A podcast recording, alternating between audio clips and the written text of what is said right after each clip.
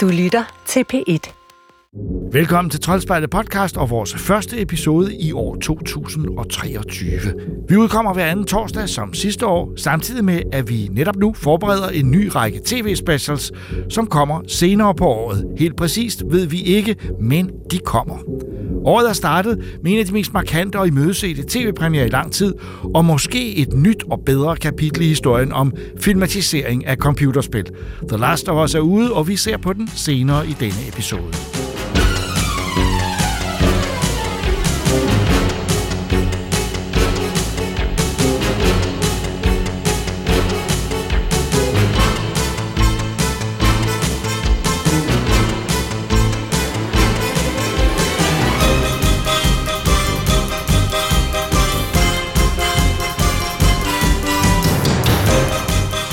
Men vi starter med et skydespil, og det er jo ofte en halvblodig affære med semirealistiske våben og en mørk og grum historie. Men ikke hos udviklerne Scrunch Games, der med spillet High on Life har skabt en farverig verden med skøre skurke, våben, der kan snakke og en ret sjov historie.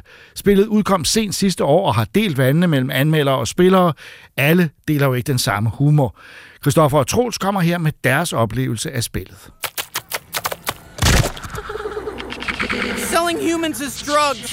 You're the only one that can stop them. You realize we're gonna have to take out the entire alien drug cartel.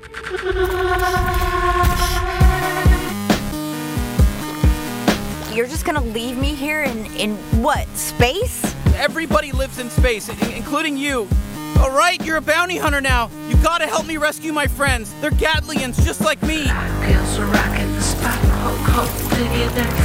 Hey, why are you squeezing me so tight? How about a little dinner first and some bubble bath maybe first? Look at us, blasting away! Er du, Christoffer, high on life, efter at have spillet high on life? Øh, det er virkelig et godt spørgsmål. Det er jeg faktisk en lille bitte smule. Jeg vil ja. sige, jeg morer mig på en måde, jeg ikke havde regnet med. Ja. Og, og det er egentlig mærkeligt at sige, fordi man ved jo præcis, hvad man får, når Ja. man snakker Justin Roiland og Rick and Morty. Og, altså, det er en meget etableret humor, ikke? Men alligevel blev jeg overrasket på en måde, som lige fik mig til sådan at...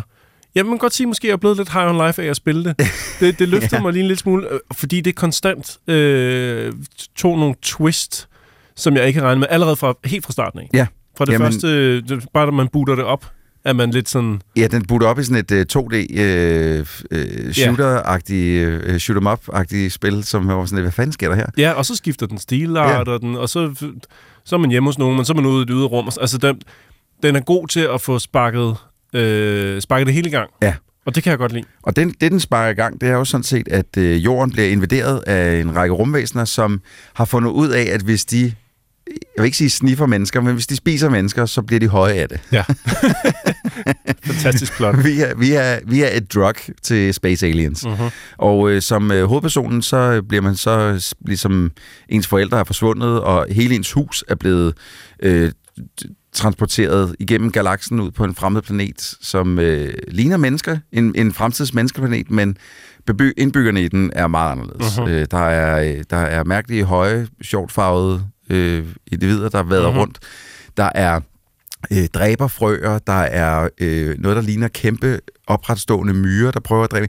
Altså, øh, der er mange forskellige ja. slags væsener. Ja, Øh, det, er- det, er, det er jo som at spille Rick og Morty, eller Futurama, eller sådan noget. Altså en af de her ja, sådan en, helt... en, en, en, anden, en af de andre dimensioner i Rick and Morty i hvert Ja, fald. Ikke? lige præcis. Meget samme, øh, også sådan en stil, øh, streg, hvis man kan kalde det Ja. som vi er vant til fra, fra, øh, fra Rick and Morty. Og så har du de her våben. øh, Ja, og når du siger våben, så tænker man, ja, ja, det er jo bare en shotgun og en, og en pistol. Nej, Nej. nej, nej, nej, nej, nej. Det er, øh, det er øh, levende våben, der kan tale. Ja. Og, og altså, hovedvåbnet, men det man starter med, som er en pistol, det er Justin Roiland selv, der laver den. Og det er, han laver sådan set bare, altså det må jeg, der må jeg så sige, det overrasker mig lidt. Han laver sådan set bare Morty stemme. Ja, det gør han. Man er ikke i tvivl om, at det er Justin Roiland. Man er Nej. ikke i tvivl om, at det er den samme stemme fra Rick og Morty. Nej. Der, der, der jo ikke nævnt Rick og Morty i det her slet. Det gør der altså, ikke, Overhovedet ikke. Men det er meget det. Altså, Det er det. Stemmen er ikke lavet om eller noget. Det er... Måske er tempoet øh, sat en lille smule ned for Rick and Morty, fordi jeg tror, at det tempo vil være svært at ramme i et spil. Ja. Øh, men men det, der, man er simpelthen ikke i tvivl om, hvem- det er, der, øh, der, der er involveret i det Nej. her spil. Og, og så er der også øh, en, en mærkelig shotgun, som, som, som er en jeg vil ikke sige en blæksprut-lignende ting, det er en frølignende ting, men som har fire af sådan nogle øh, snuder nærmest, mm. der stikker lige ud. Som, Super lækkert. og, og som snakker med en utrolig dyb stemme, og, og har også nogle vanvittige ting at sige. Og så er der måske en af mine favoritter, det er kniven. Ja, vores, Øh. vores fælles favorit er vel nok en i kniven, øh, som man elsker at dolke. Den vil bare så gerne dolke nogen. Og Og- det, og det gør den en opmærksom på tit. Ja, og Ej, det, er svært, det er svært at forklare, hvordan man kan have en kniv, som har lyst til at dolke. Ja. Men det, den er meget, meget udtryksfuld, og den gør meget opmærksom på, at nu kunne jeg godt tænke mig at dolke nogen. Ja, lad mig nu dolke nogen. Ja. Og, den, og jeg vil så sige, at den kniv er skide god. Den er, øh, den er virkelig effektiv også, når man er i kamp. Øh, fordi der er det et stik, maks to, mm. så er fjenderne færdige. Ikke? Og man kan bruge den som sådan en grapple hook. Det kan du også, plus du skal bruge kniven til at åbne kister med. Heldigvis får man den ret tidligt i spillet. Ja. Øh, så, så man kan bruge den til at åbne kister med, så du kan tjene penge og opgradere din våben eller din spacesuit. Man, er, Ja. ja. man render rundt i en, en rumdragt. Ikke? Og på den måde er det jo sådan sådan altså egentlig er det jo faktisk et meget traditionelt spil, altså Ja. ja. med noget platformselement og mm-hmm. noget skydespil. Ja. Lille smule, ej, jeg vil ikke kalde det puzzle, men du ved, man skal ligesom løse nogle ting. Man skal, man skal finde vej og, Ja. ja. og, og ja, skyde sig Plat, igennem platformspuzzles kan man jo kalde det. Det er sådan Ja. ja. lidt, hvordan kommer jeg fra A til B? Når Ja. jeg, der skal du så bruge en granat til at løfte den her bro herover, og du skal bruge en... Der er alt muligt. Ja. Øh, Og humormæssigt er det jo så enormt øh, selvbevidst. Det jo meget, meget, meget meta Ja. øh, meget hurtigt. Ja. Og super øh, intertekstuelt. Altså det refererer også til andre spil, refererer til, at du spiller et spil. Ja. Det refererer til øh, altså andre genrer, og det, er meget, meget bevidst om, at det selv er et spil. generelt så er referencerne i det, de, vold, de voldsomme. Altså bare det, som vi to, vi har grinet exceptionelt meget Ja. ja. over, det er, at øh, man møder ham her, Gene, som ligesom er ham, der øh, lærer alt om det. Man bliver lidt en glorificeret bounty hunter i, der skal ud og, og fange øh, folk, som der har øh, en pris på deres hoved. Ikke? Mhm. Og øh, ham, Gene her, han, øh, han, han slår telt op, så at sige, i ens hus, øh, som er blevet transporteret over til den her mærkelige øh, intergalaktiske verden Ja. og, øh, og sidder og ser tv rigtig meget.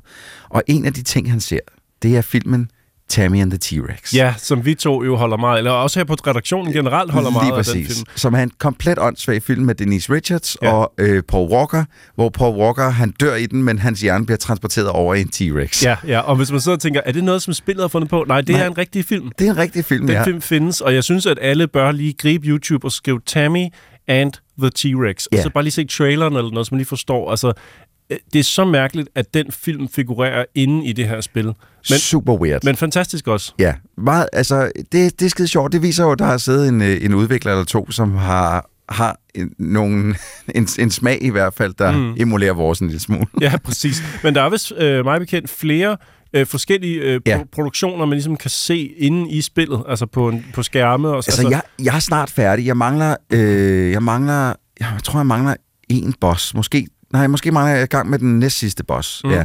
Og jeg har været forbi Gene mange gange. Jeg har kun set ham sidde og se den, men, ja. Men det skal nok passe, der er flere med i. Jeg, har- jeg har bare ikke set dem mm. endnu.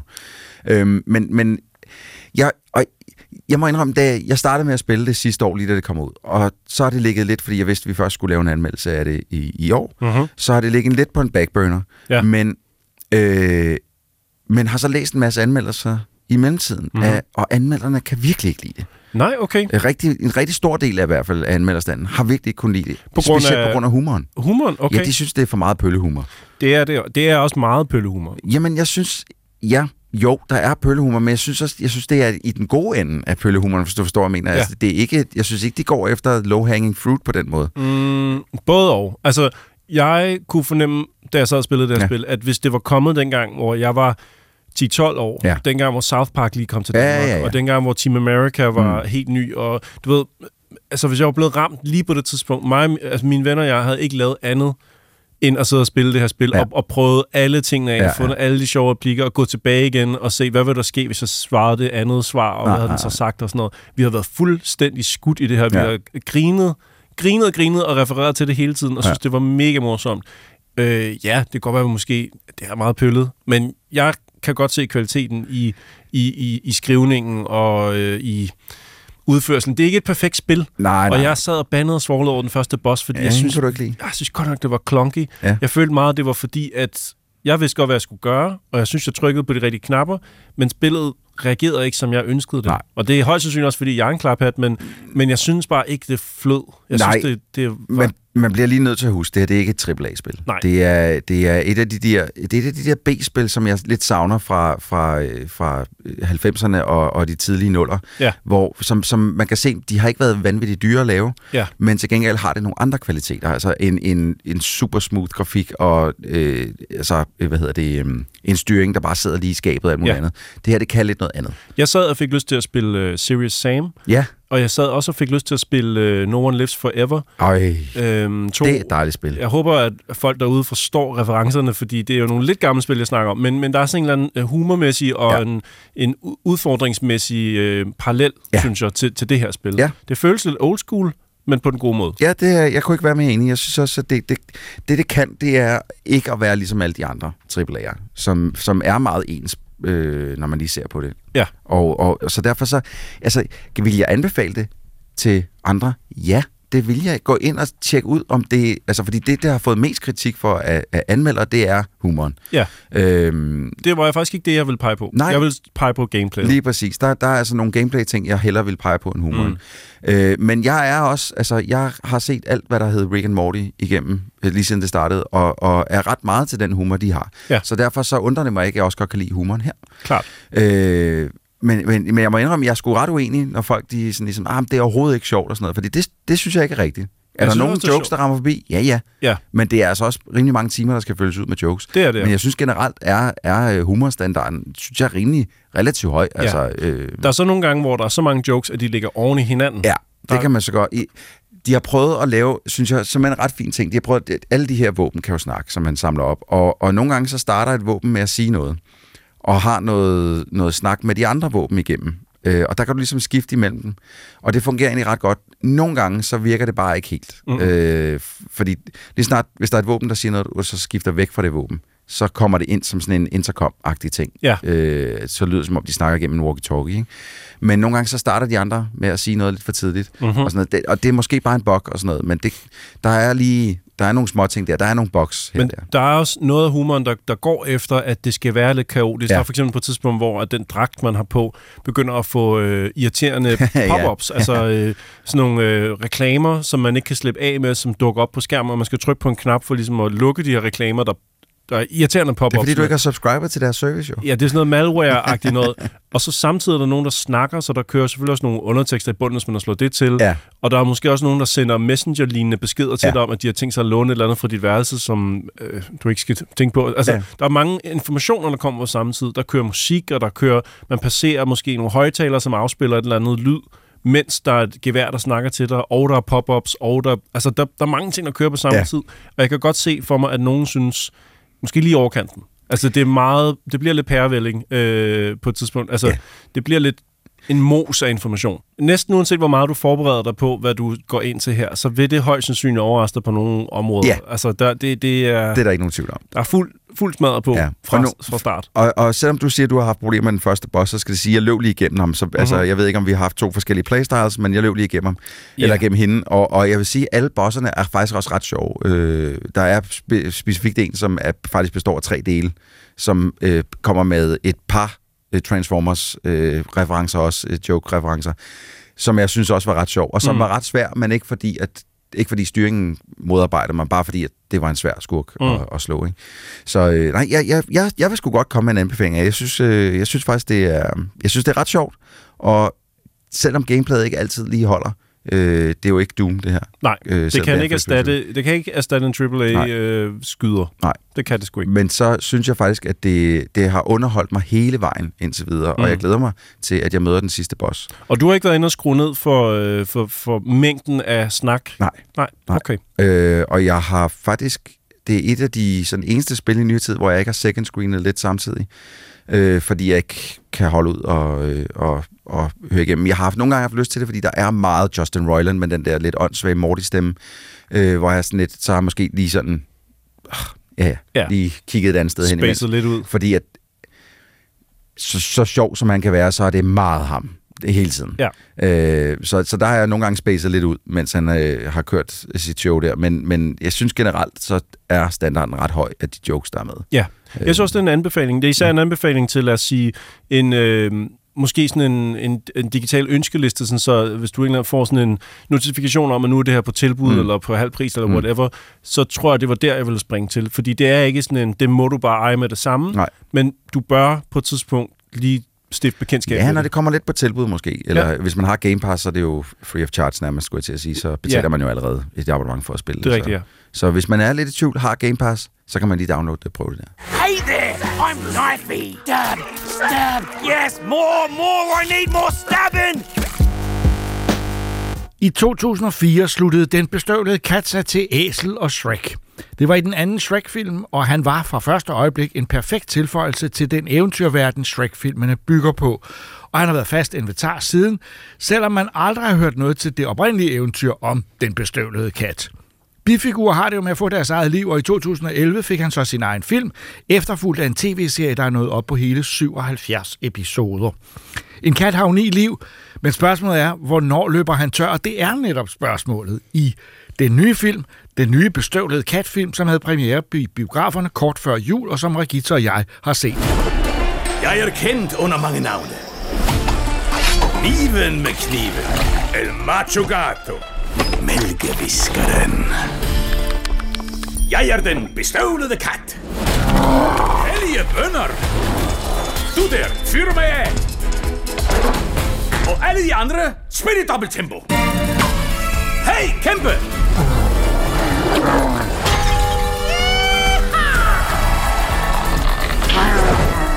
Hey, skal jeg lige vise dig noget sejt? Gracias, I har været skønne. Kom nu rigtig godt hjem. Godnat. Jeg har dårligt nyt. Du er død. Doktor. Slap af! Jeg er den bestøvlede kat. Jeg har jo ni liv. Og hvor mange gange er du så død indtil videre? Ah, Den bestøvlede kat og ønskestjernen, det handler faktisk om, øh, om døden. Det gør det. Det er ret dystert øh, af en børnefilm, og den har også øh, syvårsgrænse. Og jeg vil sige, det er faktisk en syvårsgrænse, man skal tage alvorligt. Fordi øh, den er uhyggelig.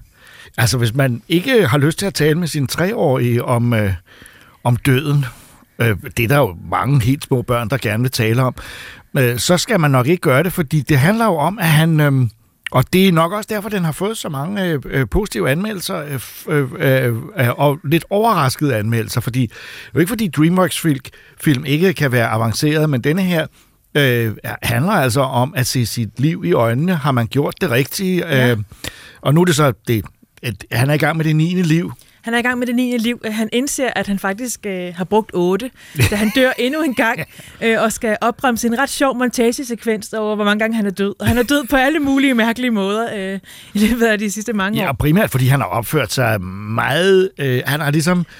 øh, Man skal ikke sige, at han har smidt sine liv væk, men han har i hvert fald opført sig, øh, så man kan sige, at han ikke har været bevidst om, at der var en ende på noget tidspunkt. Nej, han har, været, han har været sløset med dem, måske.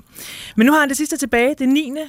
Og så skal han jo finde ud af, hvad han vil bruge det på. Og han starter jo med at pensionere sig som helt, kan man sige.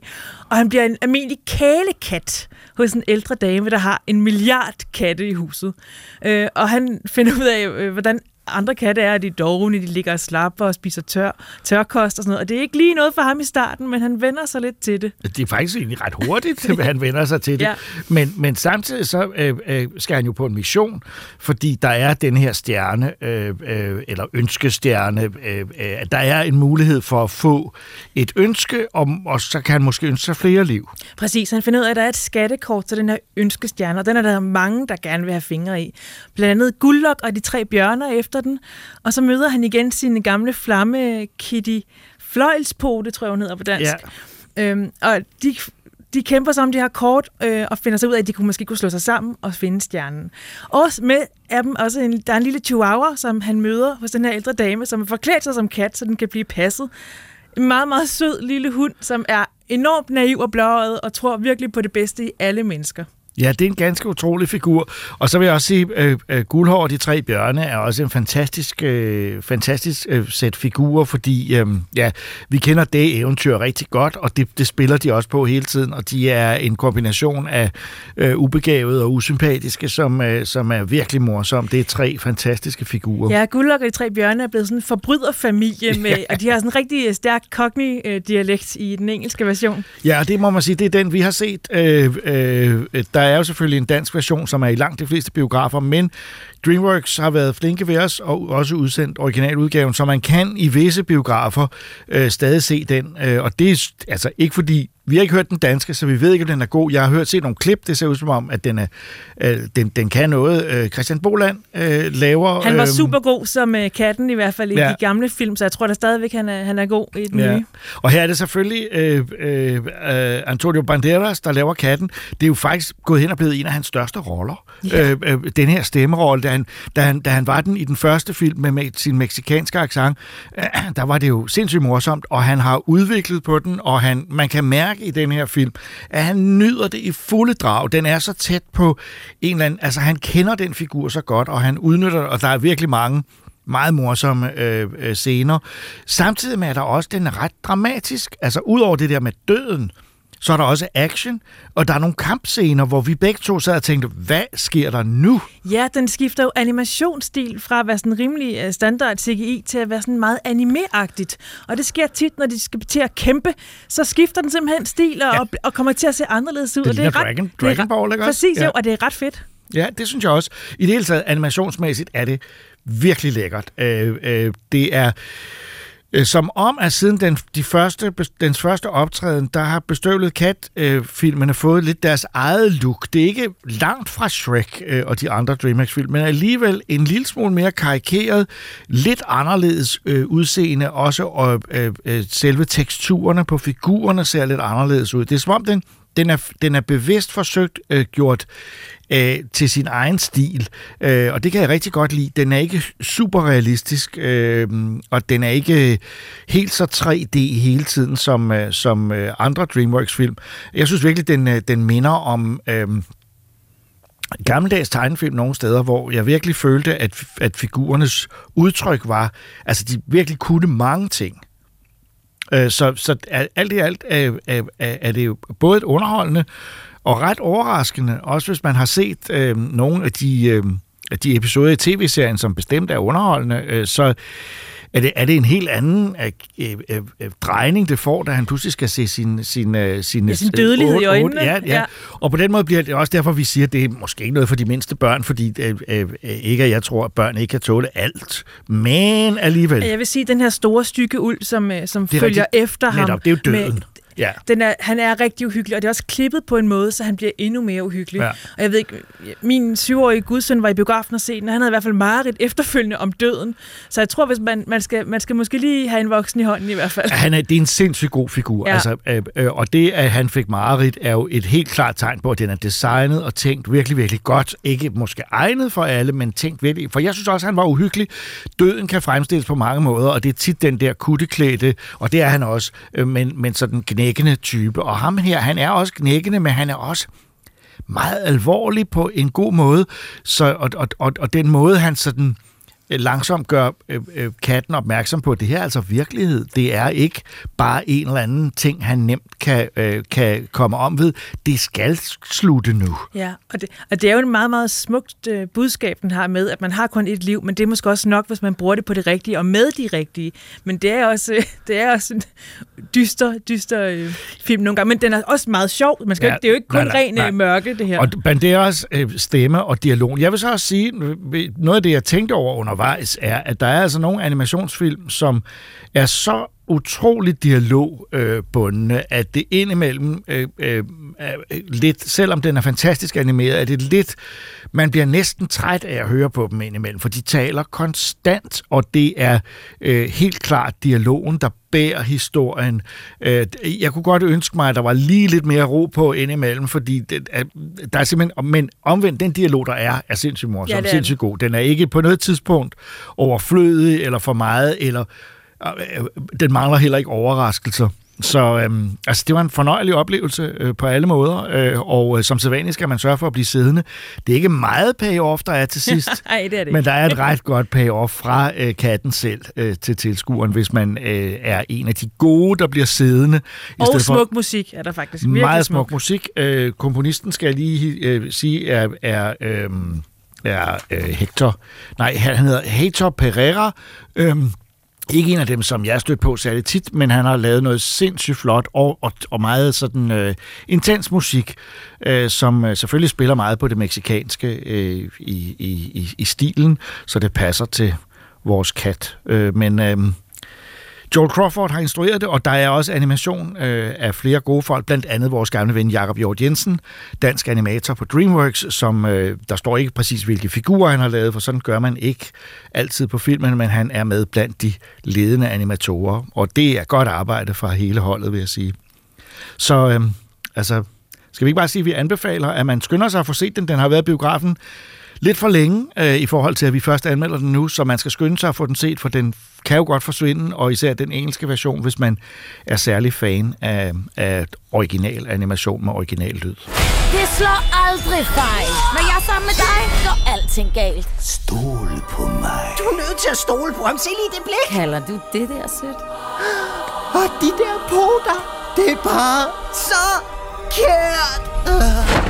Det ser ud som om, hver gang zombier vil gå mode, så kommer der alligevel en ny variation, som så genopliver dem. The Walking Dead gjorde det tilbage i 2010, og nu prøver HBO at gøre det med tv-ficeringen af The Last of Us-spillene. Det er nok en svær opgave, for hvordan gør man alle fans af spillene glade, og samtidig sørge for, at nye tilkommere også bliver hængende, og kan det overhovedet lade sig gøre at lave en vellykket film- og tv-udgave af et spil, og så et spil så monumentalt som The Last of Us. If you don't think there's hope for the world, why bother going on?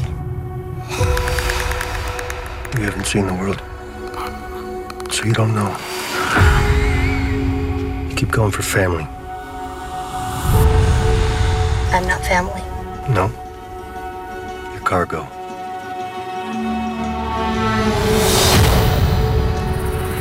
Why are you so important? Somewhere out west, they're working on a cure. I think what really impressed them was the fact that I didn't turn into a monster. If she so much as twitches, Troels og jeg har set kun første episode Ja. øh, af den kanadisk-amerikanske Last of Us, indspillet i Canada. Ja.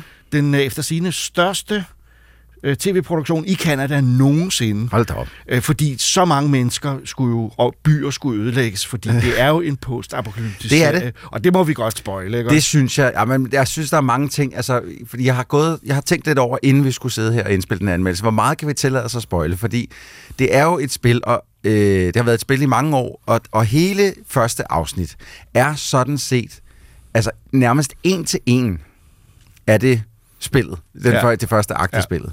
Så, så jeg var sådan lidt, hvor meget, at der er også nye tilkommere, som skal se den her og sådan noget. Så, så jeg synes, at, øh, at der er nogle, nogle nedslagspunkter, som vi godt må spoil, og så, øh, men, men jeg ved ikke rigtig, hvordan vi skal... Altså, nu er det jo sådan, at The Last of Us, selve titlen spoiler jo faktisk, at der ikke er så mange tilbage. Ja. Øh, hvis det var en gammel, I gamle dage, så havde den fået en dansk titel i biograferne, ala, Også de sidste. der er ikke flere tilbage, eller øh, der er Ja. kun ganske få Ja, af os, ja. eller kun to overlevede. Hvis der Jakob Stegelmann og ingen tilbage. ja. Men det korte og lange er, at, øh, at øh, første afsnit øh, jo vidner om en utrolig seriøs tilgang til, til filmatiseringen, og at øh, man kan mærke, at Naughty Dog-folkene har været med. Ja, en Neil Druckmann selv, der ja, har jo skrevet ja, spillene, ja. han, øh, han øh, har simpelthen været executive producer på det. Og det har han, og han er nærmest skaber af serien sammen med øh, øh, en fyr, der hedder Craig Mason, øh, som også har lavet rigtig mange gode ting, men som primært er, er tv-mand. Ja. Han lavede blandt andet Chernobyl-serien. Øh, så ja, og, øh, men omvendt er det jo Neil Druckmann, han må jo være med til at godkende hovedrollen i Uncharted-filmatiseringen, men er det lidt... Nej, det, det, det kan jeg simpelthen ikke må tro, men, men man skal også lige huske, at Uncharted er jo et amalgam af flere. Der er også Ja. Amy Hennig, der har været inde over der. Øh, Så er det hendes skyld. Jeg ja, nej, nej, nej, hun sidder og laver Star Wars lige nu, det må vi ikke. øh. Nej, lad os ikke fokusere på, at de måske har lavet andre ting, der ikke var så gode. Det her er alt i alt jo fantastisk godt, ikke også? Det er, jeg, altså, øh, for mine penge er det langt hen ad vejen fuldstændig sublimt. Altså, der, der er enkelte sager, sådan, altså, og det er rent tv-mæssigt, hvor jeg sidder sådan lidt, hov, men det er, jeg synes, de har virkelig det skide godt castet. Pedro Pascal og Belly, Bella Ramsey er, er to skide gode hoved, hovedroller til den her serie. Plus, at de ligner. Ja, Bella Ramsey er der jo mange øh, internetfans, skal man passe på med, der har været ude sådan, hun ligner overhovedet ikke Ellie.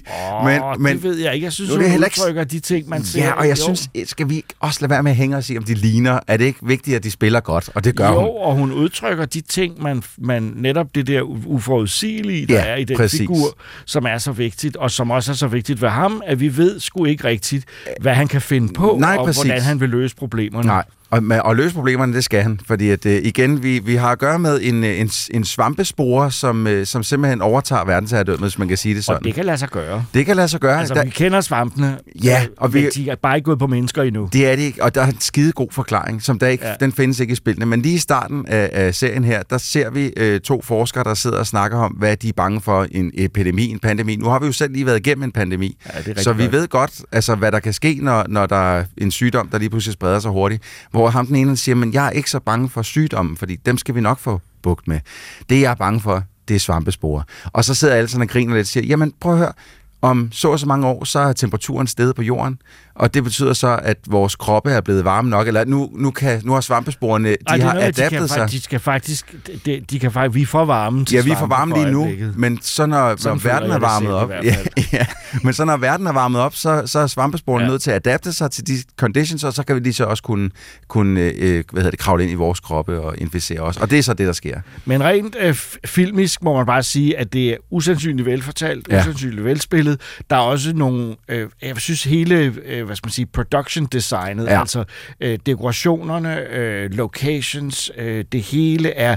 Og så synes jeg også, den lysmæssigt og farvemæssigt mm-hmm. lægger sig og både op af spillet, men. Ja. også rammer noget, som, som man virkelig føler, øh, at man er der selv, og begynder at få den der paranoia-fornemmelse af ikke at vide, hvem der er hvem, og hvem man kan stole på, og, og, ja. Ja. og hvad man skal gøre nu. Og det bliver jo kun værre, kan man sige, Ja. ja. når vi kommer længere i serien, ikke? Øh, med hvem kan man stole på. Det sjove er, Jacob, at jeg sad, jeg har, inden, serien, inden jeg satte mig og så første afsnit her, der sad jeg og tænkte, jeg vide, hvordan de har tænkt sig at løse color gradingen, hvordan, hvordan øh, alt bliver farvet, fordi vi skal jo huske, at, at spillet er altså 10, 10 år gammelt nu, hvis ikke endda lidt mere, hvor at der var nogle konventioner, som man fulgte rent color grading-mæssigt i spil på det tidspunkt. Alting skulle enten være brunt eller grønt, eller du ved, altså der, der, der så spillet ud på en bestemt måde, så det sad jeg tænkte lidt, fordi har de så tænkt sig at gå tilbage til den originale version af spillet på PlayStation 3, eller gå mere af remasteren på PlayStation 5, hvor de har ændret Og color grading så lagt dig, synes du? Heldigvis tættere på PlayStation 5-versionen, Ja. ja. fordi at det, det, øhm, jeg er ikke så vild med den color grade i dag, så, øh, som der var på den gamle PlayStation 3-version. Men det er rigtigt, det er skide, øh, øh, det, det er sindssygt flot color grade, det hele. Ja. Øh, varme, dejlige farver i starten, hvor alting skal være godt, og så skifter det jo til en meget, du ved, øh, hvor de har trukket farver ud, fordi at mm. verden ser bare ud, som alle dør lige Ja, lidt, den, er, den, det, det er en verden, øh, øh, hvor, hvor det stort set aldrig rigtig... Altså, det er ikke lyst, når det er lyst. Nej. Øh, det, og, det, og når det er mørkt, er det for mørkt, og ja. Det regner. Og, det, alle de, og det er jo klichéer alt sammen, Ja, men de men fungerer, det fungerer. sindssygt godt. Ja. Øh, og jeg synes også, der er noget øh, ved alle de steder, de opholder sig, de værelser, de er i, de kontorer, mm-hmm. de Mhm. er i. Alt er præ, bærer præg af, at ingen har vedligeholdt Forfald, noget, ja. fordi der har simpelthen ikke været overskud til andet end at Nej. overleve og sørge for at dræbe, eller, eller at skaffe sig af med alle dem, der er, er, er døde. I, i, og det er forfærdeligt ja. uhyggeligt, og forfærdeligt ubehageligt, og meget virkeligt. Helt vildt. Altså, øh, det, det, kan- det kan man måske også give serien noget ros for, at, at den virkelig øh, formår at placere dens øh, skuespillere i en verden, der ser ægte ud på en mm, eller anden måde. Mm. Smadret, ja, men ægte. Mm. Øh, og det er lige meget egentlig, hvor de er henne, om det er et gammelt, nedfaldent, øh, forfaldent hotel, eller det er der, hvor øh, Joel han bor i, den lille lejlighed, han bor i, eller det er lige meget, hvor de er henne. Så, altså, det forfald, der er, ligner noget, som man kan forestille sig, at forfald vil se ud, hvis hvis det skete i virkeligheden. Øh, hvordan folk bare kaster ting til højre og venstre, fordi at de har bare smidt alt. Ikke? Øh, også som vi så nu, når du nævnte Crank Mason og, og Chernobyl, hvordan øh, de gamle hospitaler ser ud, som man ser til enden af, øh, i slutningen af den serie, hvordan det ser ud i virkeligheden mm-hmm. i Chernobyl og Pripyat, hvordan folk bare smidt alting for at forlade stedet. Ja. At det, det, det, man kan mærke det, det har noget, mm. øh, for at bruge et, øh, et ellers lidt ulækkert ord, stoflighed. Øh. Ja, ja, men det er jo rigtigt nok. Det, ja. det, det er virkeligt, og det er jo også det, de har arbejdet på at gøre det, og løfte det øh, på en eller anden måde ud af, at det er 100% computeranimeret ja. ind i en verden. Og det er sindssygt svært, og jeg synes, det blev det er løst på en måde, så jeg slet ikke er i tvivl om, at det er det rigtige. Øh, det er Last of Us. Det er ja. den oplevelse, ja. spillerne har haft. Øh, det ser bare... Øh, og det, jeg vil ikke sige, at det ser flot ud. Det ser bare rigtigt ud. Det ser rigtigt ud. Øh, de har holdt så meget nøgteren til, til materialet, og det er jo det, som vi ellers altid er sådan lidt efter øh, spil, eller filmatiseringer eller tv-matiseringer af, af spillere, at det, det, det ligner aldrig rigtigt. Jeg synes her, der rammer de det fuldstændig rigtigt, men jeg må også sige, at de har været meget øh, grundige med at følge spillets beat sådan, altså slag for slag. Der er ikke, i hvert fald i første afsnit, er der ikke nogen store afvielser fra, hvad spillet er. Vi snakkede lidt om, inden vi gik ind og optog her, sådan lidt, jamen hvad med spilsekvenserne? Er der nogen spilsekvenser? Ja. Jamen det hele er spilsekvenser. Ja. Alt det, du oplever i første afsnit, eller 90% af det, du oplever i første afsnit, det er noget, du spiller igennem i spillet, og det ligner, altså, øh, øh, når du sætter dig ind i en bil for at flygte fra hele den her, lige som, som øh, den her spore begynder at sprede sig, så kører øh, Joel og Ellie og Joels bror kører forbi et stort brændende hus, hvor folk flygter ud af, og, og man kan se nogen, der er ved at blive spist på, på jorden foran. Og det, det er 100% med her også, og det ligner fuldstændig mm. spillet, bare med rigtige mennesker. Ikke? Men så er der det, man kan spørge sig selv om, er der så overhovedet nogle overraskelser, hvis man har spillet spillet og kan det i søvn? Ja, jeg, jeg, jeg så jo det her første afsnit sidste år faktisk, mm. i, en, øh, i, i, øh, i en biograf i Cinemateket, øh, hvor vi blev inviteret ind, og der, hvor jeg så den der, fordi at de ville gerne vise os på en stor skærm, og det er jeg egentlig glad for. Men jeg fortalte dig også i telefonen lige bagefter, at som en, der har gennemført det spil i hvert fald tre gange, hvis ikke fire, så, øh, så følte jeg lidt, åh, oh, kom nu videre, jeg ved godt alt det her. Og jeg, jeg har haft den fornemmelse en gang før, og det var dengang, du sendte mig i biografen for at se The Angry Birds filmen. Okay, og ikke ja, fordi... Og, ja, og ikke det er fordi, to verdener, der ja, hører meget sammen. Ikke fordi, at de, at øh, de to film har noget med hinanden at gøre, eller, eller de er lige gode, Angry eller noget som helst andet. Men, ja, men ja. hvor i Angry Birds, der prøver de jo at, um, at gemme, at grisene er de onde indtil øh, to tredjedel af filmen ja, er gået. det er meget mærkeligt. Hvor det virker dumt. Hvor her, der, der følger de jo øh, spillet så, nøgternt. Så er nødt til at gemme nogle ting, altså. Ja, du ved, der, man får ikke alting at vide lige fra starten af, som jeg allerede godt ved, og det forstår jeg godt, de bliver nødt til at gøre som, som, som en tv-fortælling, og til alle dem, som ikke har. Men det var det eneste, hvor jeg sad sådan lidt og tænkte, Øh, åh, ja, det ved vi godt. Kom nu videre. Men, men det kommer der til at sidde en masse, der ikke har spillet spillet, eller i hvert fald ja. ikke kender spillet lige så godt, som jeg gør, altså, og sidder bare Jeg vil sige, jeg vidste, hvad der skete, men, men, men, men det var super underholdende. Jeg vil så også sige, at jeg har tænkt meget over, at vi netop vi kritiserer spil, eller filmudgaver af spil, mm. og selvfølgelig øh, Angry Birds, og masser af, af, af, af filmatiseringer af spil øh, går fejl, fordi spillet ikke har så god en historie. Præcis. Og, og der vil jeg bare sige, jeg tror, at det her fungerer ganske enkelt, fordi historien i sig selv i spillet er en af de bedste spilhistorier nogensinde, og at det derfor også bliver en god film, hvis man bare sørger for at fortælle den samme historie. Ja, og ikke, ikke prøver... Altså, det, der kan gøre mig vanvittig nogle gange, det er, når, når der kommer en eller anden manusforfatter og siger, men det der lort der, det gider jeg overhovedet ikke. Jeg laver mit eget, og så, og så bliver det slet ikke det, som, som, som men, spilfans vil have. Men det er de jo også nødt til nogle gange, hvor, hvor de kommer med et, et, altså skal lave en spiludgave, alt andet, øh, en spiludgave af Super Mario. Hvor meget er der at fortælle der? Der er ikke et indviklet plot. Det bliver så spændende at se, hvad de gør der. Ja. Det, det. Øh, og her er der et plot, fordi det er en af de mest, øh, fortæ- det er de mest fortællende spil nogensinde, og det er en historie, som, som fungerer. Fuldstændig så, og de har ramt figurerne sige, også. Derfor har det måske i virkeligheden ikke været så, så forbandet indviklet. De har bare skulle gøre det, øh, ligesom i spillet. Ja, jamen, og det, det, og det, det jeg tror mere, det er beslutningen fra Hollywood om at sige, vi gør ligesom i spillet, ja. som har været svært. Og, og, men det har været den rigtige beslutning. Det her, det er, det, hvis det ikke er den bedste, så er den i hvert fald nummer to. Jeg kan ikke se, hvad der skulle slå den her som en, en, en, en tv-matisering af et spil. Jeg har ikke set noget, men, der fungerer men så godt. Men vi har kun set første episode. Det ja. kan gå aldeles galt. Ja, i næste episode, så kommer uh, Paulie Shaw ind og, Hello everybody! Ja, for vi må have noget comedy relief. Ja, det skal der komme noget comedy relief. det håber jeg sgu. Nej, det kommer der slet ikke. Det tror jeg ikke på. Nå, så med mindre Paulie Shaw dukker op, så anbefaler vi serien også til næste afsnit, fordi vi synes, det, det tegner virkelig godt. Ja, det må man sige. We try to keep you alive. You're not immune from being ripped apart. Frank, we will never have friends because there are no friends to be had. Just because life stopped for you doesn't mean it has to stop for me. Tegneserien om Pin Pin og hans oplevelser har betydet meget for millioner af læsere, og mange glemmer dem aldrig og giver dem videre til nye generationer. Det gælder også den ældre herre, der er hovedpersonen i albummet Tananarive, skrevet af Mark Isersal og tegnet af Sylvain Vallée, hvis tegninger var med til at gøre albumserien, der var engang i Frankrig, til et mesterværk.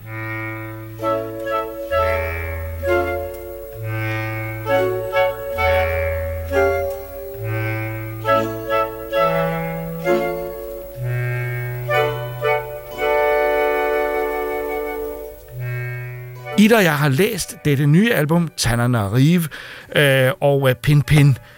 Nej, det han findes ikke, men det, han er øh, deres version af Tintin i det her øh, album. Men, og Tintin er jo faktisk også med i det her album, så det er ligesom sådan, øh, det kommer senere hen, at fordi man sidder og tænker, hvad er det Pin Pin? Er det bare for sådan et sjov pun på Tintin? Men det er ligesom en eller anden, der er nogen, der har lavet en, altså ligesom man kunne lave en øh, Walter Raban eller sådan noget. Rasmus, Rasmus Raban i stedet for Anders And.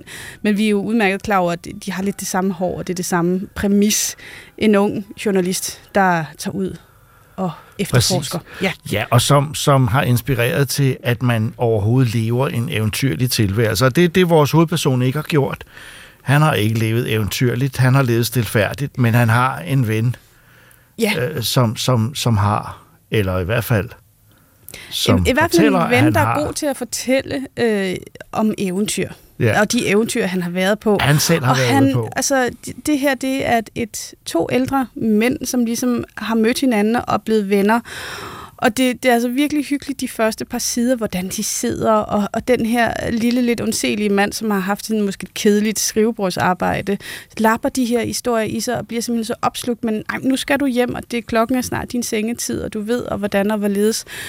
Han er så nærm- altså sådan, det er jo en platonisk forelskelse, han nærmest har i den her anden mand. Ja, fordi han har levet et eventyrligt liv, og han fortæller om det, det er nærmest sådan i starten, han siger, nu skal du fortælle den historie, og fortæl den bare en gang til. Og han er, han er verdensmand, han er opdaget, han har rejst rundt alle steder, og oplevet alt det, som øh, vores hovedperson er med det, som er notar, og det er jo et, et meget administrativt arbejde i den der lille by, øh, og øh, øh, øh, vi kan jo godt afsløre, at det, der sker, er, at han, det, ham han beundrer, han, øh, han dør. Ja. Øh, og, øh, og, og, og så begynder der at gå ting op for ham, fordi han begynder at søge efter øh, øh, arvinger. Ja, ja, fordi der er ikke, altså han ved, at der er et barn derude et sted. Ja. Og, og han vil gøre alt for, at den her dreng skal have de her Pin-Pin-album. Ja.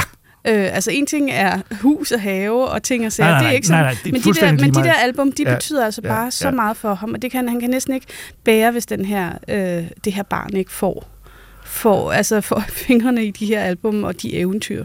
Altså, det lyder måske lidt fortænkt, men jeg synes, det er noget af det mest rørende, jeg har læst i lang tid, samtidig med, at jeg er vild med Valets tegninger. Altså, jeg synes, han, de er sindssygt udtryksfulde, og, og han er også meget god til de der miljøer, øh, øh, som hele tiden ændrer sig lidt, fordi det, det er meget franske, det er små byer og halvstore byer, og det er hans jagt på den der arving, øh, fører ham alle mulige steder hen, og lige pludselig er der også øh, øh, ting fra junglen med, fordi han, han, han har et rigt, øh, eller et behov for et rigt fantasiliv, øh, og, og, og det begynder jo at gå op for ham, at alle de historier, eller nogle af dem i hvert fald, måske ikke helt sande.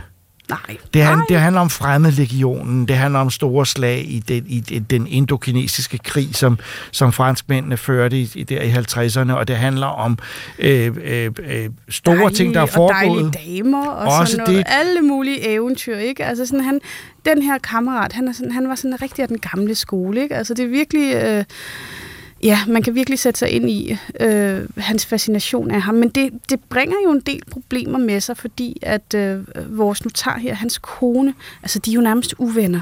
Hun er frustreret på ham, og sådan, de, de, har ikke, de deler ikke soveværelser, de, de vrisser af hinanden, og det er trøstesløst ved morgenbordet, hvor de bare sidder i stillhed og spiser deres kedelige morgenmad. Og jeg elsker begyndelsen, hvor, øh, at de, her, altså, hvor de stadigvæk er i live, begge to, øhm, og man ser sådan den morgen, de har, og, og notaren med sin... Ja, du må undskylde, jeg kan ikke huske, hvad det er, han hedder. Men notaren med sin kone, det Jamen, er det- bare...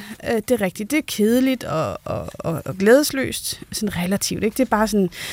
normalt. Men så vores ven her, øh, vores eventyr, altså han åbner dørene ud til sin have og står i slobrok og ingenting og nyder og suger.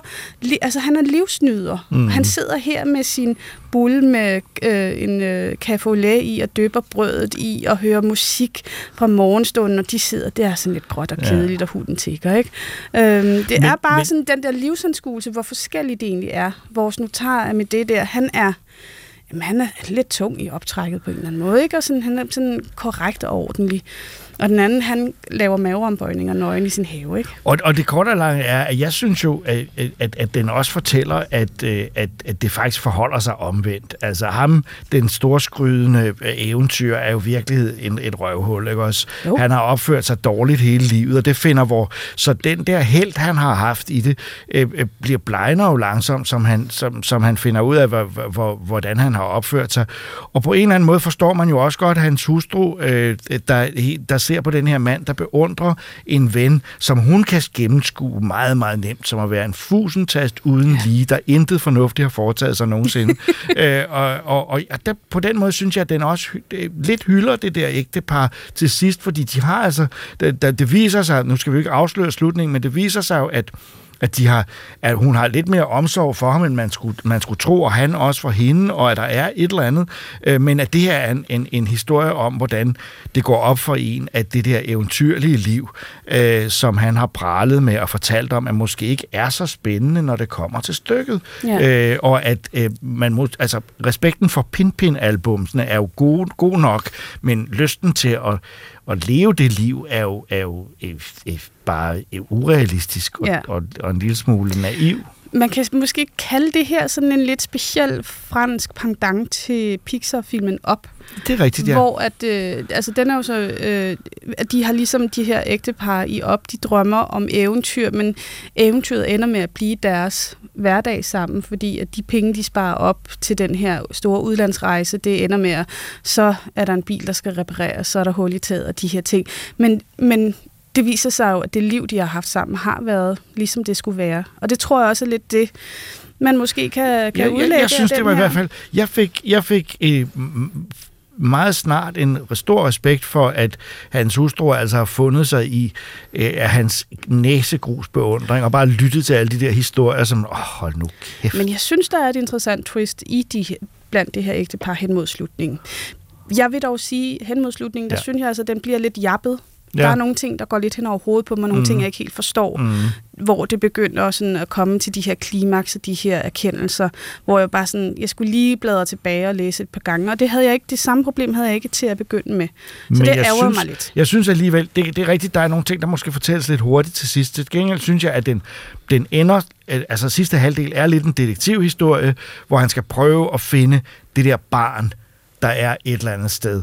Og, og man kan sige, den ender synes jeg er meget rørende øh, og smukt, og øh, for mig har det været en, en, en øh, virkelig god oplevelse at læse Tananarive. Øhm, øh, det er måske ikke et, et af de største mesterværker, men det er en, en, en meget rar øh, og, og god lille historie, som, som øh, siger noget om, at, øh, at, at, at der, det er dejligt at drømme om eventyr, og det er også lidt dumt, altså, på en eller anden måde, fordi man, man, man er fascineret af noget, der, der, øh, øh, øh, der bare afleder ens øh, opmærksomhed fra hver dag. Oh, jeg synes, det er svært at sige, hvem der egentlig har fat i den lange ende. Altså, øh, de er jo usympatiske på hver deres måde, og sympatiske på hver deres måde, og hvad, hvad er så vigtigst i sidste ende, det tror jeg også kommer meget an på temperament og på den enkelte person.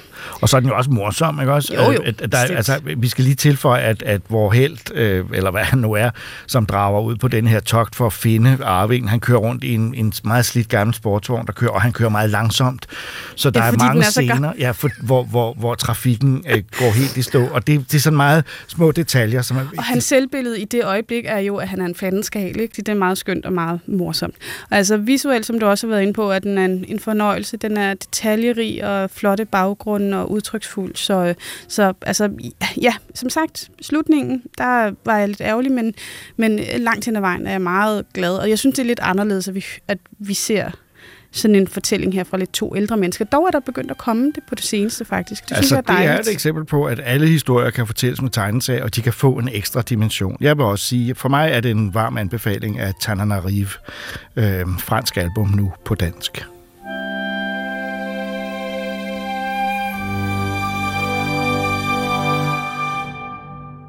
Need for Speed-spillene har eksisteret siden 1994, og der er nu hele 25 racerspil i hovedserien.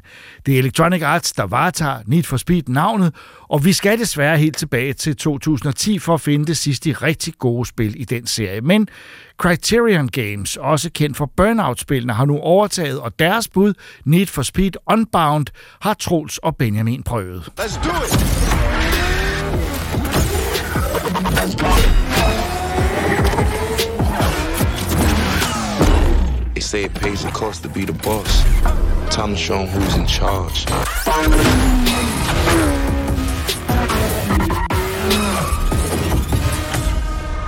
Ja, Benjamin, vi har ja. kastet os ud i en racer, fordi jeg er ret vild med racerspil, og jeg har jo altid været også. ret stor fan af, øh, hvad hedder det, Forza Horizon-spillene. Ja. Den der arcade racer. Jeg er mere til den arkaden, end jeg er til simulationen. Jeg ved, du Ja. også er ret meget til simulationen, fordi du har jo øh, professionelle Ja, jeg har ret det store derhjemme, ret og, og alt muligt. Fanatec øh, drives og det ene og det andet, og øh, sådan noget. Ja. Men det er ikke så meget mig. Jeg kan godt lide arcade-raceren, så da jeg så... Ja, arcade-racer er fandme også god. Ja, så da jeg så ser, at EA er på vej med en nyt Need for Speed, så tænker jeg, Ja. åh, der har været så mange sindssygt dårlige Need for Speeds på det sidste. Ja. ja faktisk i 10 år nærmest har de kun lavet dårlige Need for Speeds, hvis du spørger mig. Ja. Og, og jeg ser det nye her og tænker, åh, oh, det, der er noget visuelt her, som de er noget nyt. Ja. Øhm, så spørgsmålet er, er, er kan det noget? Mm. Og der må, jeg må sige, at jeg er overrasket, fordi at øh, jeg havde ikke forventet, at jeg skulle sidde og være underholdt af et EA Need for Speed. Ja. Simpelthen fordi, at igen, Jamen, jeg- jeg- de har kun lavet trash de sidste ja, 10 år. Men, men jeg tror, det er fordi, det her det er det første Need for Speed-spil i meget lang tid, som der faktisk har personlighed. Ja, det har Det- noget, vis, i hvert fald visuel personlighed. Ja, Øh, nej, der- det, der jeg kan- vil faktisk sige, over, over, jeg synes, gennem det meste, Ja. måske storyen ved jeg ikke rigtigt, men, men, men der er noget personlighed i det, og der er noget, som jeg føler, man kan mærke, at ikke at spillet vil sige noget, men, men der er ligesom noget, der går igennem Ja. fra ting, al, al, altså sådan... For det er, altså til at starte med, er der jo den der syge visuelle stil, som der Ja. blander realistiske øh, Ja, meget- biler og verden med, meget realistiske med, biler med verden. nogle af de fedeste tegnefilms comic book effekter, når man kører rigtig hurtigt og, og, sådan. og, og til lytteren derude, så, så altså, den bedste måde at forklare det på, det er, at for eksempel hvis man øh, ryger ind i et sving og begynder at drifte, ja. jamen, så kommer der sådan de røgskyer, der kommer ud af det Ja. øh, øh, fra dækkene. Det kan være lilla og sådan cell-shaded, eller Ja. grønne, eller de, altså, som bare pff, står så, op. så det sådan ligner, at de er blevet tegnet, Ja, ikke? og de præcis. kan have sådan nogle ja, comic book dots. Og, og som helt står ud fra den ellers super realistiske verden, de har lavet. Fordi at jeg må, være ind, jeg må indrømme, at jeg er ret imponeret over den øh, verden, de har bygget op Det er her. ret pænt. Øh, et, et, et site, der hedder DSO Gaming, eller mm. dsog.com, øh, lavede nogle, øh, øh, nogle, nogle en, en, en side-by-side af, Ja. Hvor de havde, i, den ene side havde de taget spillet og fjernet alle de her tegnefilmseffekter, eller man skal ja. sige, overstiliserede effekter, og i den anden side havde de dem på, hvor man ligesom kan se, okay, selv uden er det et drønflot spil. Ja. Så altså, de har taget noget, der allerede i forvejen var super flot, Mm. og så har de taget de her meget stiliserede effekter og lagt ovenpå, Ja. hvilket i alle øh, henseender ikke burde virke, mm. men det gør det. Det gør det. Og det gør det af, af mange grunde, synes jeg. Et, fordi det ser virkelig, det ser virkelig fedt ud. De er meget flot lavet, ja. Det, ja. Og på den anden side, så hjælper det virkelig også med at give noget power til Ja. bilerne. Øhm, øh, fordi de kommer oftest i situationer, hvor der ligesom sker noget vigtigt Ja. i ræs. Så enten når man, det, det, når man drifter, så kan man se meget tydeligt, okay, jeg drifter lige nu, fordi at der kommer tegnefilmstrøg. Ja, ja. Øh, og når man bruger nitros, så kommer der virkelig sådan en pow! Ja, ja, bare, ja. Altså, Og- og fartlinjer i billedet, som man kender fra det- anime-spil det- ja, eller det, det anime-film. føles virkelig som om, man, at, at man nærmest sådan, hvis man kører virkelig hurtigt, synes jeg nogle gange, man får den der fornemmelse af, at, at sådan, spillet nærmest sådan går i stykker, altså sådan Ja, på en ja, fed ja, måde. ja. Sådan, Det hele ryster, og, Ja, og- og alting, og- øh, øh, der er knald på. Det er sjovt, Benjamin. nu ved jeg ikke, om du har spillet der. Jeg, jeg, øh, jeg var meget glad for min Nintendo Gamecube i gamle dage. Ja. Og til Nintendo Gamecube udkom der et spil, der hed Automodellista. Og Automodellista, det var et spil, et racerspil, øh, mm. simulationsracerspil, Ja, skal så også ja, lige ja, sige, ja. som Jeg har udelukkende var om det. cel-shaded. Og jeg Ja. blev ved med at, øh, at tænke på Automodellista, mens jeg så alle de Ja. her stiliserede effekter, fordi jeg savner lidt den der øh, Fanny Voldskhed over for mm. at sige, men ja, det kan godt være, at vi har bygget en skideflot verden, som ser også hyperrealistisk Ja. ud, men kunne det ikke være sjovt, hvis vi også lige lavede nogle lidt skøre effekter samtidig Ja. med. Det, det, det, altså, fordi det, det giver spillet noget liv. Det giver spillet noget, mm. øhm, noget karakter. Altså, Ja. ja. man, man føler, der har siddet nogle mennesker her, som, som, øh, som har stil, og Det som det. har en personlig stil, som de gerne vil mm. øh, fortælle videre til os, så at sige. Ikke? For, ja. Fortælle os om. Så, så det visuelle er på plads. Lad Det os sige det sådan. Det, det er skideflot øh, på alle mulige Øhm, måder. Og gameplaymæssigt er det også bare fedt. Jeg synes, det, det, det har en struktur, Ja. det her spil. Som, Som, og jeg kunne ikke være med enig.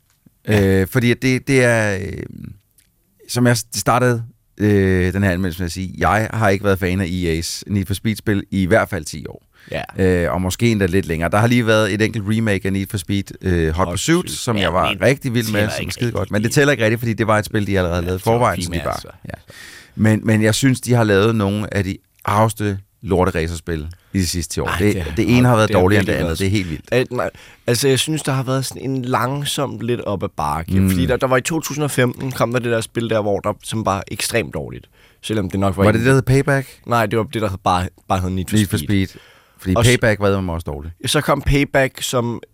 Det var egentlig ikke så dårligt at køre. Det, det, det led af, det var, at, at progression var baseret på lootboxes. Ja. Øh, Skal lige sige, udlytter, Benjamin og jeg, vi, er ret, vi har siddet og snakket lidt før vi gik herind, og vi er ret uenige om, hvad vi synes, der har været gode Need for Speed-spil og dårlige Need for Speed-spil. Men lad nu det ligge. Ja, og, og, og, øhm, og, og efter Payback, Ja. så kom Heat, som, som det, det var, ja, det havde ikke nogen personlighed, og det var ikke dårligt. Det var, jeg synes bare, det var forfærdeligt middelmådigt. Ja. Og, og jeg kan mærke, at nu har vi endelig fået et Need for Speed-spil her, som der er sådan... Så bare nogenlunde. Og, ja, det, det, det, det er godt, og, og jeg tror, det gør mig lidt for glad, at det er godt, fordi det er egentlig ikke Det gør ikke noget perfekt. exceptionelt. Nej, Nej. Altså, selvom det, at jeg synes, det gør noget exceptionelt rent Ja. grafisk, Ja. så rent gameplaymæssigt, så er det... Øh, så er det lidt over middel. Lad Ja. os sige det sådan. Øh, fordi hvis du sætter det op ved siden af for eksempel Forza 5, så kan Need for Speed ingenting her ved siden af. Men fordi at vi er blevet fodret med, med trash i så mange år, Ja. så føles det her bare som et enormt frisk pusk, også gameplaymæssigt. Man mm. sidder og tænker, mm, hvad er det, jeg smager? Er det kvalitet? Uh. Ja. Altså, det er så dejligt at Nå, se i hvert fald. Men det er vist også, øh, og der må du rette mig, hvis jeg tager fejl, er det Criterion, der er tilbage? Det er Criterion. Ja. De, Og de, dem, altså det er jo dem, fra, der lavede Burnout-spillene tilbage i PlayStation 2, Ja. øh, Xbox Original og, og, og, øh, og Gamecube-dagene, og dem, mm. vi ved jo, de har racing pedigree. De ved, Ja. hvordan sådan noget her skal laves. og de ved, hvordan man, man laver action i Ja, racing. og hvordan, Altså, ja, rent visuelt, hvordan skal sådan noget se ud? Ja. Hvordan ser et, et Altså- færdselsuheld ud? Hvordan ser det ud, når man kører rigtig hurtigt? Mm. Det, det, kan, det har de altså Det- det har de under broken down to a T, ja. ikke? Kan vi snakke om historie nu? Kan vi Øh, snakke om historien? Jeg vil rigtig ja, gerne snakke om det din kan vi godt. Jeg vil Det meget gerne snakke om din historie.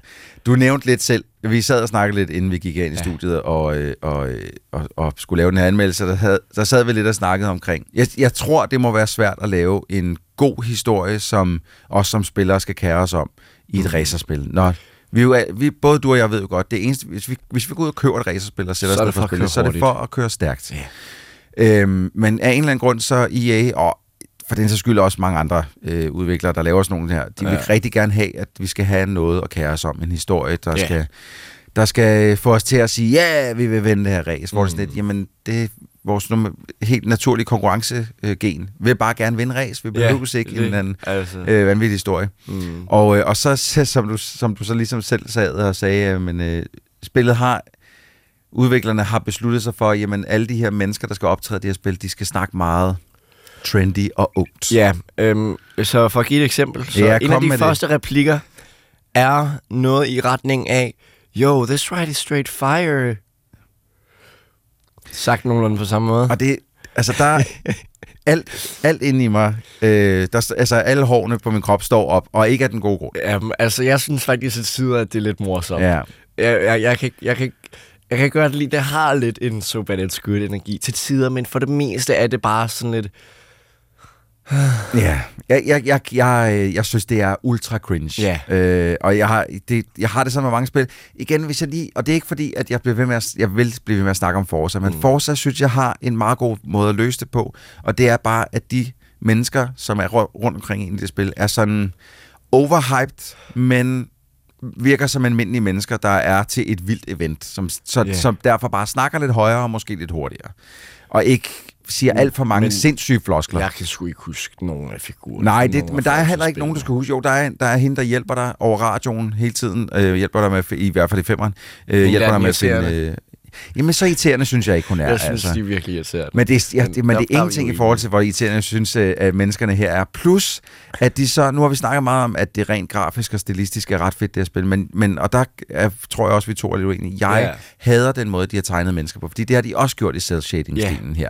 Og, og det synes jeg er virkelig fedt. Nå, ja, jeg, der, jeg synes, det, det falder helt uden for kategorier. Øh, hvorfor, det, hvorfor ser de sådan ud i det Ja, her? al- altså jeg vil sige, til tider, så øh, synes jeg ikke, animationskvaliteten i cutscenes er særlig god. Jeg synes, de er dårligt tegnet. Benjamin. Jeg synes, de er Men, dårligt tegnet. Og, og, og jeg vil også give dig, at der er nogle gange, hvor jeg synes, proportionerne på menneskene er sådan lidt mærkelige, hvor det er sådan...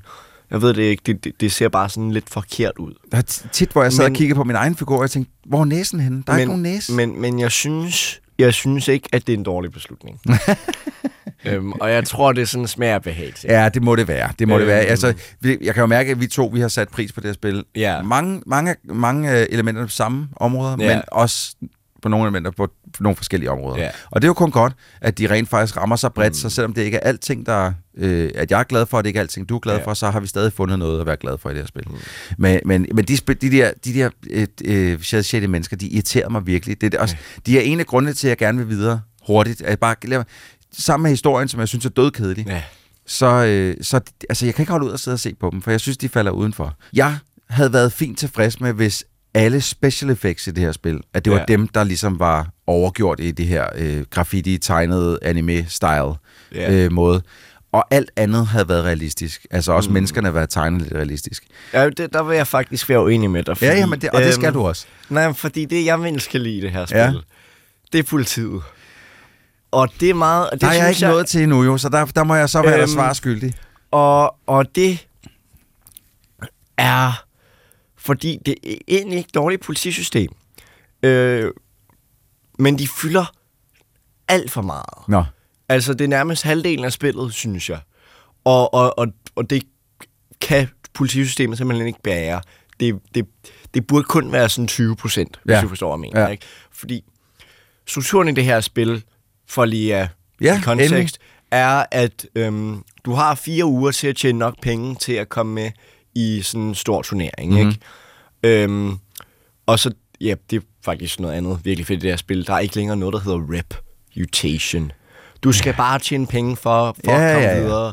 Der er ikke noget med, at du skal blive populær og få så og så mange følgere på sociale medier. Nå, øhm, du skal tjene en masse penge, og, og det involverer selvfølgelig at køre ud og køre nogle race. Yes. Men det er jo lidt ulovligt at køre race. Meget ulovligt. Så hver gang du kører et race, Ja. så øhm, kører du ud, så til at starte med skal du måske betale en lille entry fee for mm. Mhm. at komme ind i racet.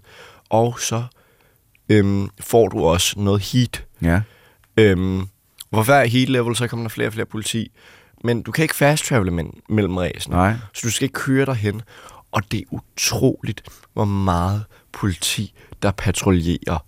Det, er, altså, det føles som om, man bruger så meget af det her spil på. på det, det er sådan, nu, nu, man har lige kørt et race. Ja. Det var, man, havde, man er sådan helt hyped. Ja, det var fedt race. Et til. Og så skal man sådan køre rundt, og så er det sådan bil stealth for kæmpe. Hvilket i sig selv er fedt nok. Det, er en sjov idé. Det, det, det, er en sjov idé, og det er ikke fordi, det er dårligt. Der er bare alt for meget af det. fordi det er mellem nærmest hvert race. Lad mig du bare trykke søppet i munden for Ja, helvede. virkelig, virkelig. Ja. Øhm, Så det er, det er, du er lige når det gælder Og- lige for speed, så er du i hvert fald ultra defund politi. ja, og, og, og, og, og jeg synes det faktisk er lidt trist, fordi politiet er jo et, lidt en af de ting, som der sådan normalt bærer Need for Speed Ja. virkelig meget. Ja. Øh, og her, det er, det er, at man kan komme ind i nogle virkelig fede politi-chases. Det er slet ikke, fordi det er en dårlig funktion. Det er bare en... Der er, bare, der er for meget af det. Der er, og det er virkelig for meget Ja, af det. ja, ja. Øhm, Prøv, nu har vi allerede ja. snakket i næsten 18 minutter om ja. Det her spil, så lad os, øh, lad os lige få en, øh, en, øh, en slags rating på banen Ja. til at sige. Altså, skal man spille det her spil? Er det det værd? altså, hvis man virkelig godt kan lide Need for Speed, Ja. så, øh, så synes Man skal jeg, vist være stor fan af Need for Speed. Ja. for at- øh, så synes jeg øh, i hvert fald, at det er det værd. Ja. Øh, hvis man måske bare er lidt mere casual racing-fan, så kan det være, at øh, så er det det værd at spille, men måske bare købe Så er der måske. Forza Horizon eller noget andet, som, øh, som lokker lidt mere, hvis man er ude i de der. Altså, jeg er helt enig. Jeg synes, øh, for en gang skyld, mm. jeg vil sige sådan, at nu udgiver EA øh, for en gang skyld et, et, et godt slash udmærket øh, racerspil Ja. i Need for Speed-serien. Og så håber jeg, at øh, det sælger godt, sådan så at de ved, de kan forstå, Ja. ja. jamen okay, det er den her vej, vi skal. Mhm. Øh, I hvert fald de næste par år med den her serie. Fordi jeg vil gerne se noget mere til den her tegnstil øh, den her grafikstil. Øh, så det er en, også en, en, ligesom spillet, middelmåde anbefaling for mig. Ja. Man behøver måske ikke købe det til fuld pris. Det, man kan måske godt vente til det er Det, det, det, det, man, man kan meget godt vente. Ja. Men, men en anbefaling nonetheless. En anbefaling, ja.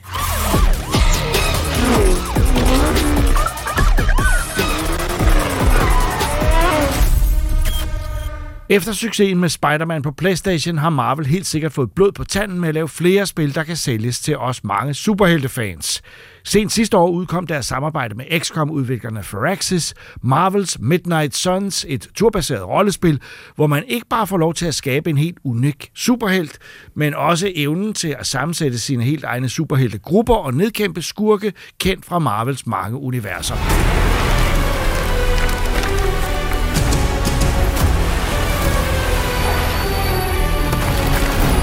Sanctum is gone.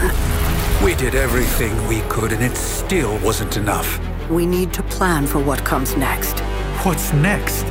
Armageddon has already happened, Caretaker. What's next is hell. Lilith's darkness has been released fully into the world, expected to fall city by city, nation by nation. Surrender or be destroyed. I am just getting started. Troels har spillet spillet, og det ser jo helt vildt imponerende ud, ja. så meget man kan. Og så også øh, den her helt, man spiller, som, som er ret interessant og skabt til det her spil. Ja, altså, øh, ja, fordi det er dig selv, der skaber helten, Ja. så at sige. At, øh, jeg valgte en, en, en kvindelig helt, og, og om man vælger mand eller kvinde, så hedder han eller hun The Hunter. Ja, og, der- men det er vel en anden basis for, for altså, Øh, designet og sådan nogle ting. Ja, ikke rigtigt. Nå. Øh, det, altså igen, man kan selv ligesom gå ind og, og skrue på, hvordan øh, den her held skal se ud.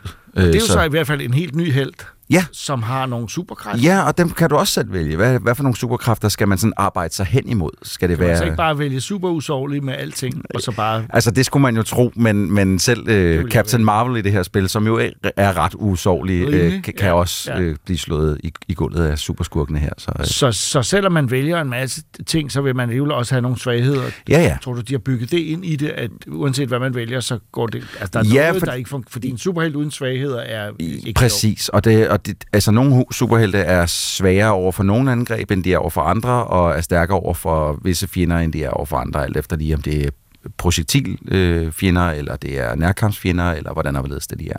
Men Der hvad skal man? Altså, det der sker, det er, at Hydra, de er gået i gang med at prøve at genopleve en urgammel heks, ja. der hedder Lilith, Ja. som skal hjælpe dem med at tilkalde Chetan, tror jeg, det skulle udtales. Der må, øh, der må fansene, Marvel-fansene ud, de må ikke lynche mig. Jeg tror, at, at, skur, at den ultimative skurke i det her spil hedder Chetan. Som, øh, så, og det skal hun hjælpe med, og det kan kun lade sig gøre, fordi der er, det er det, som den her titel, den refererer til, der er en, en komet, som øh, bliver kaldt The Midnight Sun, som er på vej forbi jorden, og den, den øh, råder med alle de magiske kræfter. Øh, og det er også derfor, at, at Lilith kan blive genoplevet af Hydra. Det er simpelthen på grund af... Men hun, er- de, de, de, de, det er jo sådan nogle meget, det er sådan lidt gammeldags navn, nazistiske eksperimenter. Ja, altså, ja, det, men det at- ser ret fedt ud, altså. Der er ret meget i det her spil, som... Øh, øh, i historien i hvert fald, som føles ret gammeldags, som Ja. føles som en gammel, en, en de gamle tegneserier, ikke Ja. noget, ikke for meget moderne noget, og også øh, titlen Midnight Sun er ikke bare en komet, det er også en reference til en Marvel-gruppe, der blev kaldt Midnight Ja, Sun, præcis. men altså S-O-N og Ja, ikke ja, S-U-N, ja, som ja. her i spillet. Og, og de, de tager helte fra, altså hvor som helst fra, og blander ind i det her, øh, som på en eller anden måde er ret fedt. Altså, så man får lov til at... Jeg har øh, set et par helte, jeg aldrig nogensinde havde, øh, havde kendt, hvis, hvis jeg ikke havde spillet det her spil. Øh, fordi som, som stor tegneserie-læser er jeg heller ikke. Men der er en, der hedder Magic, men med Ja, K til Magic sidst. med K, ja, det havde jeg ikke hørt om før. Ja, Ja, præcis. ja, Øh, og hun er en del af de her, den her gruppe, man går til, for ligesom at få noget hjælp Men der til er også lille- masser af andet. Altså Venom og Deadpool er nævnt som, som medvirkende, ja. og Ghost Rider og Ja. Blade. Altså, det er jo virkelig en fuldstændig kaotisk samling af, af helte. Øh, ja, øh, Lilith kommer faktisk fra Ghost Rider-serien. Øh, hvis hun, er, hun opstår to gange i to okay. forskellige hæfter, men, men, men den her version af Lilith er fra Ghost Rider-serien. Og det er heller ikke den Ghost Rider, vi kender. Det er en ny, yngre Ghost Rider. Øh, nå, men det gør ikke så meget. Altså, prøv at, det, det, de, alle de helte, man kan vælge, de er alle sammen fede at spille med. Altså, det er jo turbaseret, det her, skal lige siges jo. Mm. Øh, det, det skal måske lige sige, det er et rollespil. Jamen, gider man det? Er det ikke, er det ikke en, noget helt andet? Der er jo, altså, så er der ikke nogen kampe, som Det sådan. kommer jo Dem an- ser man bare. Man skal være til det jo. Ja. Altså, man skal, jeg vil sige, man skal lidt være til den der XCOM-genre med, at, at alting, du kan kun lave et ryg med en, en, ja. en figur, og så et, et eller to angreb, og så øh, er det resten af holdets tur, og så, så er det sgu Så du sidder ikke og, og kæmper som en sindssyg. Nej, det gør man ikke. Og, og, men det, det gode ved det her, hvor at, hvis man har spillet XCOM-spillene før, som jeg også godt, altså, jeg kan godt lide den genre, men jeg kan også godt føle, at de bliver nogle gange lidt lange i spyttet. Så har de her bygget et slags Hearthstone-kortsystem ind. I stedet for, at du bare sidder og vælger mellem moves, så har du nogle kort på hånden, du trækker ud af en bunke, og siger, det er de her moves, du har at gøre godt med. Men det er ret fedt, Jacob, fordi så er man nødt til at tænke lidt ud af boksen nogle gange, fordi det er ikke altid, du lige har det angreb, synes, du det skal bruge. ekstremt kompliceret. Jamen, det er det også lidt, men alligevel for. ikke. Når du sidder foran spillet, så virker det ikke så kompliceret. Nej. Der, hvor det går hen og bliver en lille smule kompliceret, det er, du har jo visse, øh, du har jo kun vis, et, et, et vist antal moves, før at det skal blive øh, den anden, altså fjendens tur til at rykke, ikke? Men det kan man sådan nogle gange øh, booste lidt ved at sige, men okay, jeg har ikke flere kort at spille med, jeg har egentlig heller ikke flere moves, men til gengæld så står jeg lige ved siden af den her boks, og der kan jeg få min figur til at hoppe op på boksen og lave et ekstra angreb, hvis jeg står de rigtige steder på banen. Så nogle gange så er der altså også noget taktik i at ikke bare at angribe, angribe, angribe med de kort, du har, men også få stillet dine figurer taktisk rigtigt på banen til, at de kunne lave de her ekstra angreb, eller kaste med et eller andet, hvis de står ved siden af noget. Det er sådan en lille ekstra øh, lille prik over i det, hvor man lige skal tænke sig lidt ekstra om, så man ikke bare altså, spurter mod fjenden og kaster diverse angreb Men mod tror du ikke, der er rigtig mange fans af for eksempel, at nu nævner vi jo netop Spider-Man ja. Ja. som et eksempel på, høj, der var fandme et godt superheltespil. Ja. Uh, og det er jo især den der fornemmelse af at være Spider-Man, altså, uh, fordi man, altså det, det, man følger med. Ja. Her sidder man, her, man er jo i høj grad tilskuer her. Det er meget stillestående i forhold til. Altså, ja. Og med det sagt, så øh, er det her spil fyldt med action, fordi de har jo sørget for, at alle kampene er, hvis ikke sådan, du ved, interaktive helt sindssygt, så er de drønflot at se på, med masser af magiske kræfter og superhelte powers, der bliver altså, blæst ud over skærmen. Jamen, det vil jeg også sige, det gameplay, jeg har set, er utrolig underholdende. Ja. Og i virkeligheden underholdende i sig selv. Altså Ja, at ja. se på, når Ja. nogle andre spiller. Det, det, det kan man jo med mange situationer, men her er det at ligesom lade nogle andre tage alle de Ja. der beslutninger, fordi det kræver en masse hjerneaktivitet. Og det er at ikke det, du har lyst strategi- til. Nej, det har jeg ikke lyst til. Men, ja, men man skal, altså man er nødt til at tænke sig lidt om. Jeg vil sige, øh, ligesom øh, jeg også... Det lyder ikke godt. Nej, men ligesom jeg også sagde, øh, vi, vi anmeldte øh, sidste år, anmeldte vi øh, Mario vs. Rabbids 2, Ja, Sparks of ja. Hope, som er en, en, en light-version af de her XCOM-spil, og, og dem kan jeg meget godt lide, fordi XCOM kan altså, som jeg også sagde lige før, blive lidt langt i spyttet for mig. Det er lidt det samme her. Det er en mere, øh, hvad kan man sige, en hurtigere, det- tempoet er højere her, end det vil være et XCOM-spil. Og det synes jeg er vigtigt. Øh, for når de laver et Marvel-spil, som skal gå ud til lidt bredere masser, at tempoet er lidt højere, og det ikke er helt lige så tørt, som nogle Xbox eller XCOM-spil godt kan være. Ikke? Øh, desuden så synes jeg også generelt set, de har fået nogle gode stemmeskuespillere på, fordi der er rigtig mange historiesekvenser med at de her helte, der snakker sammen. Øh, blandt andet har de hyret Michael J. White, hvis du ved, om han er en øh, gammel actionstjerne til at Ja, spille Blade, ja, ja. som jo optræder. Og det synes jeg er et godt cast. Altså, det er jo ikke nogen af, de, af dem, der har spillet dem i filmene, der spiller det, men det er, jeg kan også godt se, det er, det er gode navne. Ja. Øh, øh, øh, Nolan North af Deadpool. Ja, jamen det var han jo også i spillet. Ja, Ja, det- Deadpool-spillet, og actionspillet. godt, altså. det, han, er- han gør det skide godt. Ja. Øh, der, hvor jeg, der er en, der falder lidt igennem desværre, og det er Tony Stark. Og det kan man sige, det er lidt Robert Downey Jr.'s skyld. Det er rigtigt, jeg så faktisk en scene med Tony Stark, hvor man siger, det var ikke ham. Han prøver jo at, at lave en Robert Downey, ham her. Han Hvem hedder Josh det? Keaton. Ja. Men, men i kraft af, at han prøver at komme så tæt på Robert Downey som muligt, så kommer han så langt væk fra Robert Mm. Downey som muligt nærmest. Ja. Ikke? Altså det, og det er lidt ærgerligt, fordi han optræder rigtig meget i spillet. Men det er også mit eneste sådan rigtige øh, irritationsmoment, ud over at PC-versionen, som jeg selvfølgelig har spillet, fordi jeg kan bedst lide at spille på PC, har det, der hedder shader stutter, som er en, det, er et af de mest irriterende elementer. Hver gang der sker en ny effekt, hver gang der kommer en ny effekt på skærmen, så kommer der ordentlig hak, øh, hvor den spillet lige stopper op, og så kommer i gang igen. Det er noget, der kan fikses forhåbentlig, og det håber jeg, de gør hurtigst muligt. Det lyder fordi alvorligt. Jamen, det, der, der er mange spil, der lider af det på PC. Mm. Altså, det her, det, det hele sidste år Så har været det det er værste. ikke på konsollerne? Nej, fordi der er shaderne, de er cachet inde, okay. og det bliver det altså. Ja, og den er jo til alting, der kan krybe og gå. Ja. Af, af, selv også Switch. Øh, Jamen igen, selvom det er skide flot, så er det noget, der kan, der kan du ved, der kan øh, koges ned til meget lidt i virkeligheden, øh, rent grafisk, og stadig se ret flot ud. Så, øh, så igen, det er jo ikke et vanvittigt, sindssygt hurtigt gameplay. Du kan sidde og tage dig god det er tid. måske og... der, du er nød, vi er nødt til at sådan sige det, som det er, fordi hvis man ser det, bare ser traileren og ser ting, så tænker man, her er et nyt actionspil. Ja. Jeg har spillet Spider-Man, jeg vil også leve mig ind i det her. Ja. Og Det er ikke det, det samme. Nej. Nej, det er det ikke. Her der sidder man meget stillestående, sidder og vælger de kortangreb, man nu gerne vil have, mm. der man spiller sin kort der ikke, for hånden. Øh, ser angrebene blive ført ud af livet, uden, ud i livet, uden at man rører ved noget, Ja. efter man har spillet Ja. ja. kortet. Øh, så det er en meget mere stillestående oplevelse. Ja. Men hvis man er øh, fan, eller, eller godt kan lide lidt turbaseret spil, så synes jeg, at det her det er en rigtig, god, øh, et rigtig godt eksempel på, hvordan man kan gøre det, uden det bliver frygtelig øh, langhåret og øh, langt i spyttet. Ikke? Så det er, det, det er ikke en anbefaling til folk, der elsker actionspil og ikke kan... Altså, du, du, man skal vide det her på forhånd. Ja, man er nødt til at vide, hvad for en slags spil det er i hvert fald. Ja. Men når det så er sagt, så vil jeg sige, jeg synes det her det er for alle, og jeg vil sige, det er for alle Marvel-fans i hvert fald. Fordi ja. det, det blander så mange forskellige universer, jeg synes, at hvis man er Marvel-fan i forvejen, så er det interessant. Men, men hvis man kun spiller actionspil, fordi at det er det, man kan lide, så er det her ikke det rigtige. Nej. Altså, jeg tror måske, jeg vil vælge noget. Man, man kan jo også få Marvel som tegneserie. Ja. Det ved jeg ikke, om du har hørt om. Øh, det, jo, måske og lidt. det, der, der kan man læse historien som fortløbende, og ja. Der skal man ikke vælge Nå. en masse ting, og så ser man, det sker. Der er det lavet, det hele. Nej, men ved du hvad, jeg sætter en stol op bag ved mig ude på kontoret, så kan du sidde bag ved mig og kigge med. Ja, det gør jeg. Tak.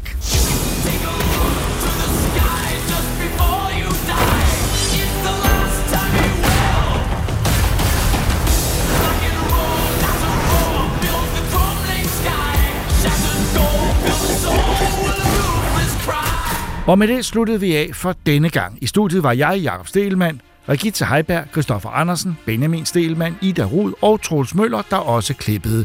Vi er tilbage om 14 dage. Tak fordi I lyttede med.